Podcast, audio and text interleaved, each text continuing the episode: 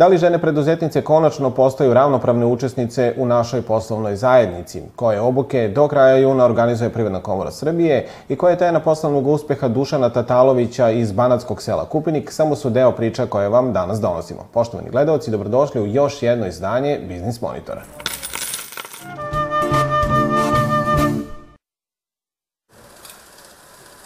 Od 500.000 do 5 miliona dinara. Novac koji dobijaju privredni subjekti koji se bave proizvodnjom ili pa građevinom za nabavku nove opreme od Ministarstva privrede. Naravno, postoje i određeni kriterijumi. Jedan od njih je i broj zaposlenih. Mi podržavamo 25% neto vrednosti vaše opreme, 5% je vaše učešće, a 70% je kredit banke koju vi odaberete. Vi se možete raspitivati, oni su ponudili svoje uslove i ne mogu da idu iznad njih. To su maksimalne efektivne kamatne stope koje mogu biti ponuđene. Vodite samo računa kod ove godine zbog situacije na finansijskom tržištu o kreditima sa variabilnom kamatnom stopom, jer ta će kamatna stopa vremenom ipak ići gore. Ovi program Ministarstva privrede pozitivno je ocenila Evropska unija, pa je dodelila dodatna sredstva. Pored 16 miliona evra uloženih od strane vaše vlade, Evropska unija je dala doprinos od 11 miliona evra, što će značajno povećati podršku privatnom sektoru.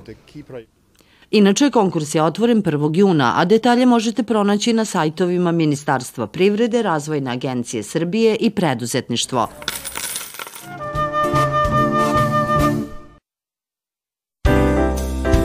Protekle radne nedelje na produktnoj berzi u Novom Sadu ostvaren je blagi rast količinskog i finansijskog prometa u odnosu na sedmicu pre, dok su kukuruz, pšenica i soja imali uzlazni cenovni trend. Za razliku od prethodne nedelje, kada je na tržištu kukuruza zabeležen pad cene, u nedelji za nama ova žitarica beleži rast kukuruzom se e, trgovalo na višim cenovnim e, nivoima, a bila je primetna i povećana ponuda kukuruza sa gratis lagerom tokom jula. Na tržištu pšenice e, beleži se smanjena aktivnost i dalje. Krajem nedelje gotovo da izostaje interesovanje i kupaca i prodavaca na ovom tržištu. Soja beleži stabilan cenovni nivo u odnosu na prethodnu nedelju. Krajem nedelje zaključeni berzanski ugovori bili su na nešto višim cenovnim nivoima u odnosu na početak nedelje. Za, zaključeni su i prvi berzanski ugovori za ječam rod 2022. godine. Iako je tražnja povećana, veća ponuda ove žitarice izostaje. Kada govorimo o svetskom tržištu, žitarica i uljarica, procena prodaje američkog kukuruza blago je iznad očekivanja. Poslednjeg radnog dana protekle sedmice na Beogradskoj berzi ostvaren je promet od nepunih 19 miliona dinara, berzanski indeksi ostvarili su različite trendove. Kraj protekle radne nedelje na svetskim berzama, američka laka i severnomorska nafta dočekale su sa rastom cena. Na kraju protekle berzanske nedelje u svetu, svi najznačajniji plemeniti bazni metali izgubili su na vrednosti.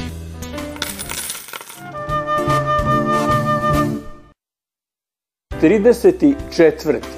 2022. godine, to je dan D za primjenu zakona o arhivskoj građi i arhivskoj delatnosti, gde su privredni subjekti koji su u obavezi po zakonu da vode arhivsku građu i arhivsku knjigu, bili dužni da dostave arhivima, javnim arhivima, e, prepis arhivske knjige.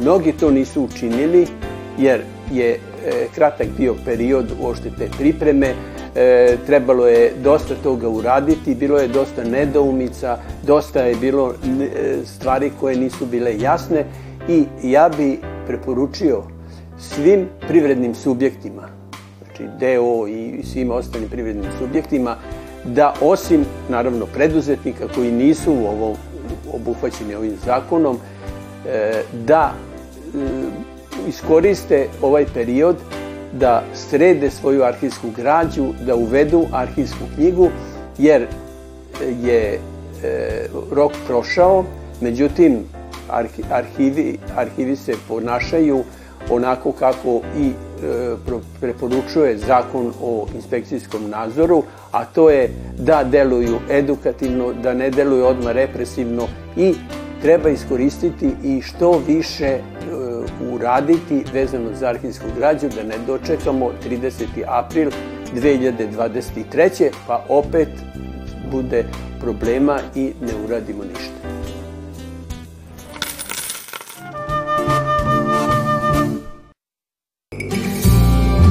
Žena preduzetnica majka. Kada tako nešto čujemo, prva asocijacija nam je osoba kojoj moramo da se divimo i da je poštujemo. Međutim, u realnom poslovnom svetu to, nažalost, nije tako idealno. Nije dovoljno još prilagođeno sve ženama. Žena još uvek ima svi sve one druge uloge koje pripadaju u okviru porodice, u okviru društva, koje su, mislim, negde delimično nametnute, a delimično jesu, mislim, isključivo za nju, ovaj, kao što je taj prva godina ili prve godine života dece, gde ona treba više da se posveti, a usput ima biznis. Znači tu negde, ovaj, kako još uvek postoji, na ovim prostorima postoji razlika.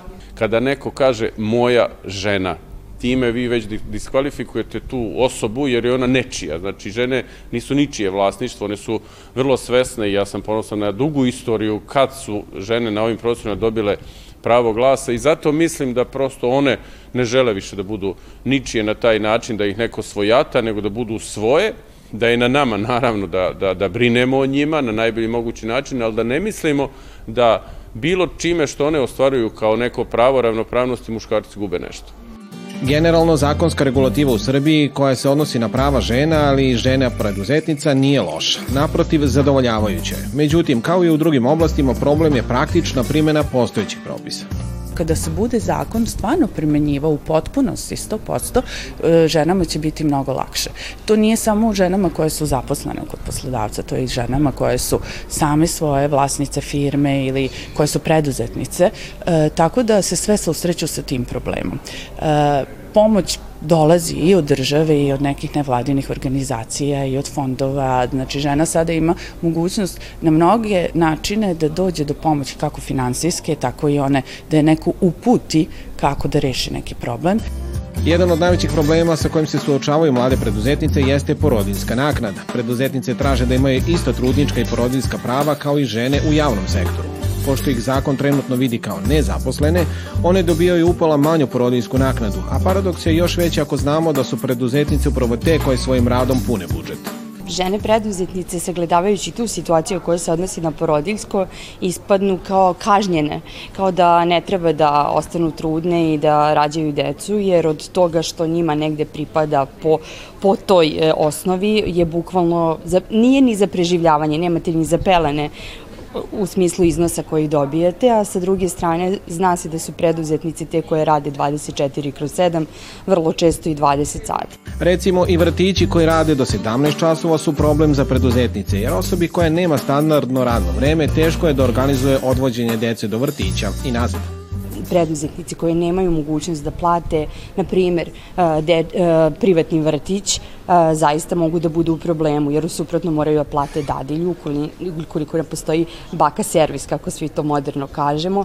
Dakle, taj deo koji se odnosi na čuvanje dece je isto jedan od gorućih problema. Sa druge strane, treba rešiti i probleme gde se pravo žena zloupotrebljava u poslovne svrhe. Zbog toga na mnogim javnim konkursima mora se dokazati da je žena zaista preduzetnica, a ne samo formalna vlasnica firmi koja traži finansijsku pomoć. Mora da se dokaže faktičko upravljanje firmom od strane žene.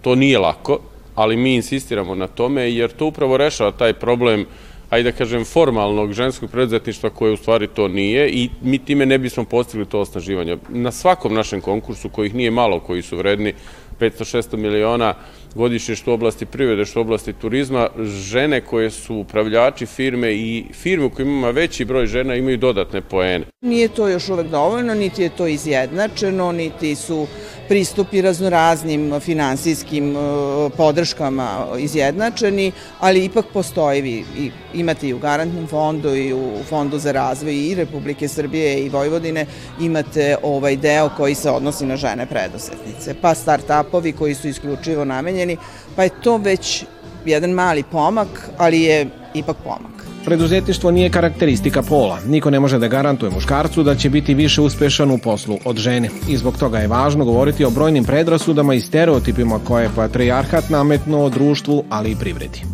Mi jesmo možda ne više patrijahalno društvo i to se još uvek od nas negde nije promenilo, koliko god se trudimo i koliko god pokušavamo i opet kažem koliko država god stoji iza žene i pokušava da joj da vetar u leđa, ali to je neka naša tradicija takva da je to prosto tako normalno. Ovaj, ali žene se bude i pokušavaju ovaj, da to promene i pokušavaju da, da se izbore za sebe. Moj lični utisak jeste da se stvari menjaju, da se stvari menjaju na Balkanu inače, jer prosto žene negde hoće da izađu iz tog stereotipa da su službenice, da su domaćice, vaspitačice, dakle imamo dosta žena uspešnih, u Srbiji koje su na rukovodećim mestima. Žene koje su u preduzetništvu jesu jake, jesu ozbiljne i jesu spremne da napreduju. I u skladu sa tim one menjaju ambijent poslovni u potpunosti, da još uvek ima predrasu da ima ih, ali se znatno na bolje sve promenilo. I ljudi sad više nemaju problem da sednu sa vama kao preduzetnicom i da kažu ok, ja sa tobom mogu da dogovorim ozbiljne, velike biznis ideje. Treba istaći i to da su poslovne žene u Srbiji danas mnogo organizovanije nego pre deseta godina i upravo je ta njihova agilnost i međusobna podrška najviše doprinela da se dobrim delom suzbiju stereotipi i predrasude i da se formira poslovni ambijent u kom će svi imati jednaka prava, bez obzira na pol.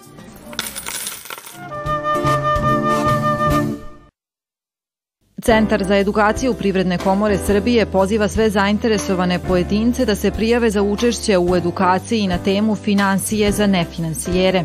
Dvodnevna obuka biće održana 21. i 22. juna. Ova obuka namenjena je menadžerima svih nivoa odgovornosti, e, a posebno onima koji nemaju neka velika znanja ili iskustva iz oblasti financija, jer će u toku ove obuke oni praktično moći da steknu e, osnove finansijskih principa izveštavanja, e, biće upoznati sa time kako da mere rezultate svojih poslovnih odluka ili kako da sagledaju kako direktne, tako indirektne uticaje svojih poslovnih odluka na kratkoročno i dugoročno poslovanje, odnosno likvidnost, solventnost konkurentnost, profitabilnost e, svoje kompanije. Prijave za najavljene edukacije mogu se poslati i dan pred njihov početak, a neophodne informacije o uslovima i načinu učešća na svim predstojećim obukama mogu se pronaći na internet stranici Privredne komore Srbije.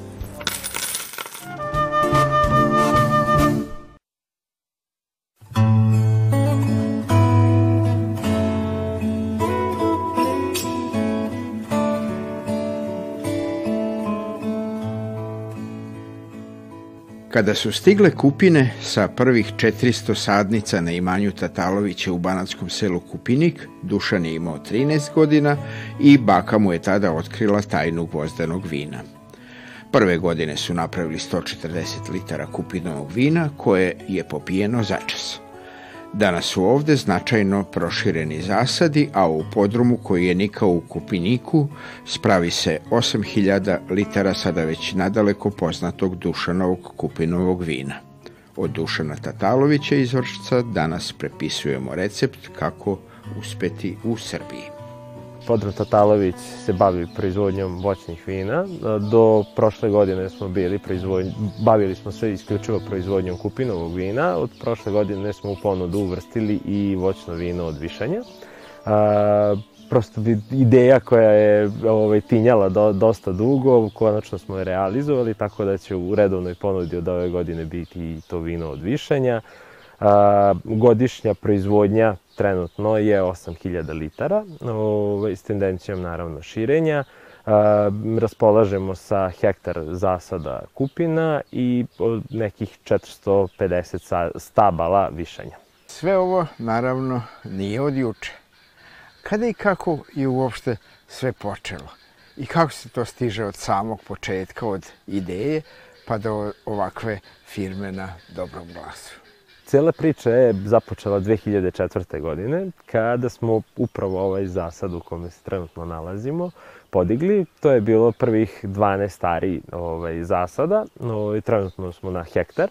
Ovaj, tako da od tih 12 zasada, prve godine je tu bilo nešto malo roda. Ja kao 13-godišnjak sam zarađivao džeparac preko leta tako što sam prodavao sveže kupine na pijaci, ali kada smo videli da te, ta prodaja sve u svežem stanju, ne, odnosno tržište vrsta ne, nije bilo mogućnosti da ovaj, kupi tu količinu kupina koja se već sledeće godine javila, morali smo da razmišljamo šta sa tom kupinom.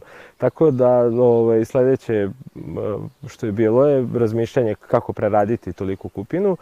Baka je uvek tu iz prikrika pominjala gvozdeno vino koja je ona kao mala pila i uz pomoć kog je rešila problem anemije. Tako da smo po tom bakinom nekom receptu ovaj, napravili prve godine to kupinovo vino. I ovaj, to se svima svidelo. Naravno, naredne tri godine od prodaje vina nije bilo ni reči, svima se to mnogo svidelo i ovaj, sve, što se napravilo se popilo. Ovaj, tako da od 2008. smo uh, krenuli u ozbiljniju priču o, o, o vinu, napravili smo i ozbiljniju količinu vina i to onda, smo, onda je krenula i prodaja, tako da ovaj, to se lagano širilo korak po korak ovaj, do 2014. nije se mnogo moglo širiti, pošto sam bio na studijama, kada se vratio naravno sa studija, tada, tada su prošireni zasadi na trenutnu površinu, ovaj, vinari, ulagalo se u novu vinariju, opremanje i sve ostalo da bi se podigla količina. Tako da sada smo trenutno na, na toj količini od 8000 litara, a s tendencijom naravno daljih širenja. U planu nam je sledeće godine da podignemo još hektar zasad, odnosno već smo poručili sadnice, tako da se to sledeće godine sigurno podiže.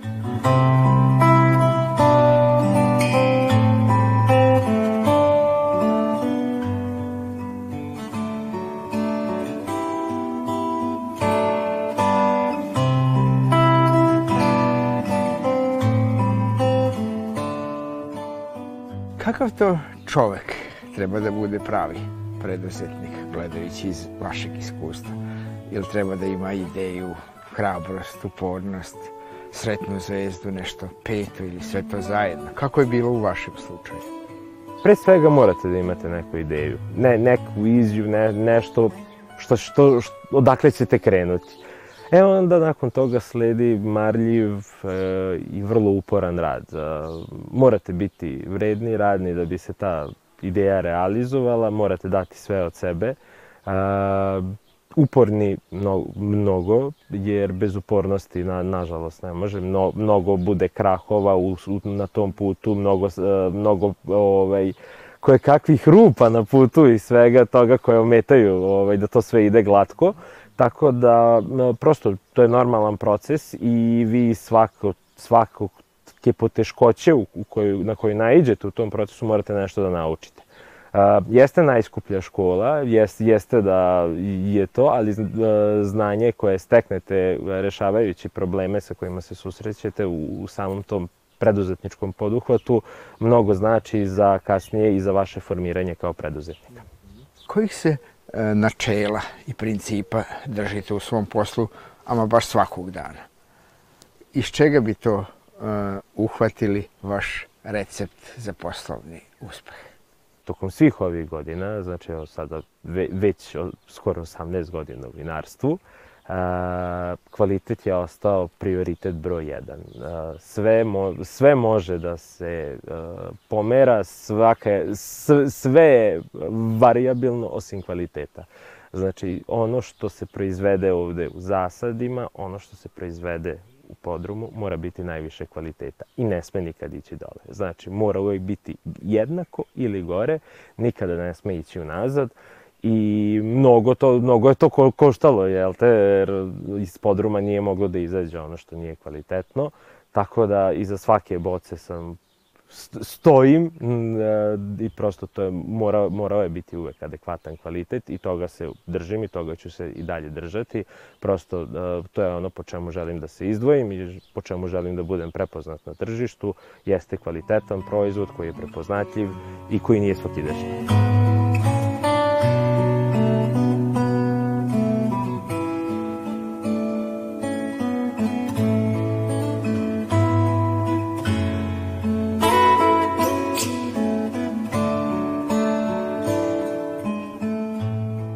Šta ko od Tatalovića radi u ovom porodičnom biznisu? Ko je za šta zaslužan, a za šta odgovoren? I može li se ovakav posao raditi kao jedan čovek ceo orkestar? ja sam uglavnom zadužen u principu uh, za kompletnu proizvodnju i ovaj, sve poslove oko vinarije.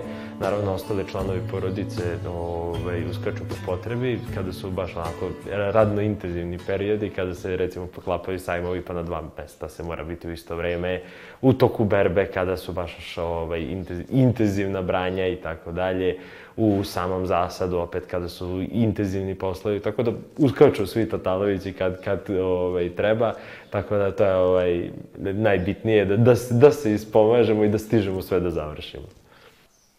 Kako je uopšte biti preduzetnik u Srbiji danas? Šta vam je u tome lepo, a šta vam najviše smeta?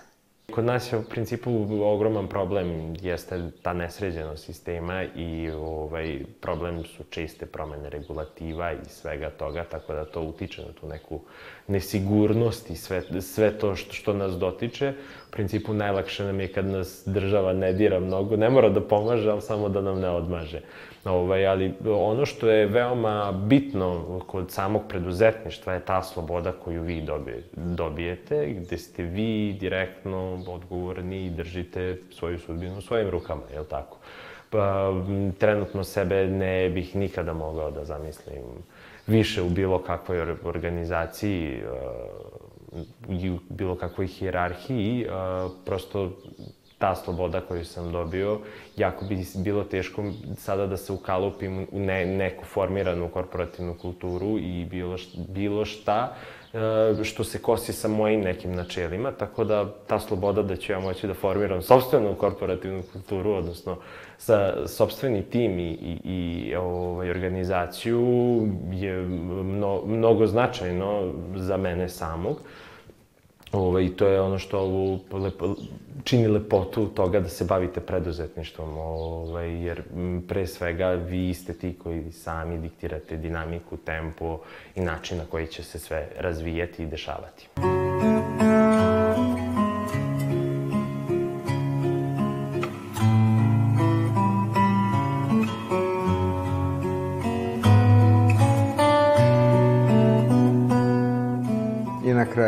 Biznis Monitora mi uvek pitamo šta je za vas poslovni uspeh, a šta lična sreća. Poslovni uspeh je svakako e, svako dalje e, širenje posla, prosto ti proizvodi koje ste napravili su kao, kao vaša deca. Prosto gledate ih kako se razvijaju i kako ih tržište prihvata i kako, kako, kakav je njihov u principu život na tom tržištu. Tako da svaki uspeh koje vino ostvari je prosto lična satisfakcija za mene kao neko ko stoji iza cijele te priče. Tako da, jako je teško razdvojiti sad trenutno neku lič, ličnu satisfakciju i poslovni uspeh kao, evo, ovo je uh, uspeh firme, a ovo je moj lični uspeh. Ne, kad ste preduzetnik, to je sve isprepleteno i, i povezano, ali negde gde može da se smatra neka lična satisfakcija jeste upravo ta sloboda koju kao preduzetnik imam i to je ta neka lična satisfakcija gde sam se izborio za svoje mesto pod ovim suncem.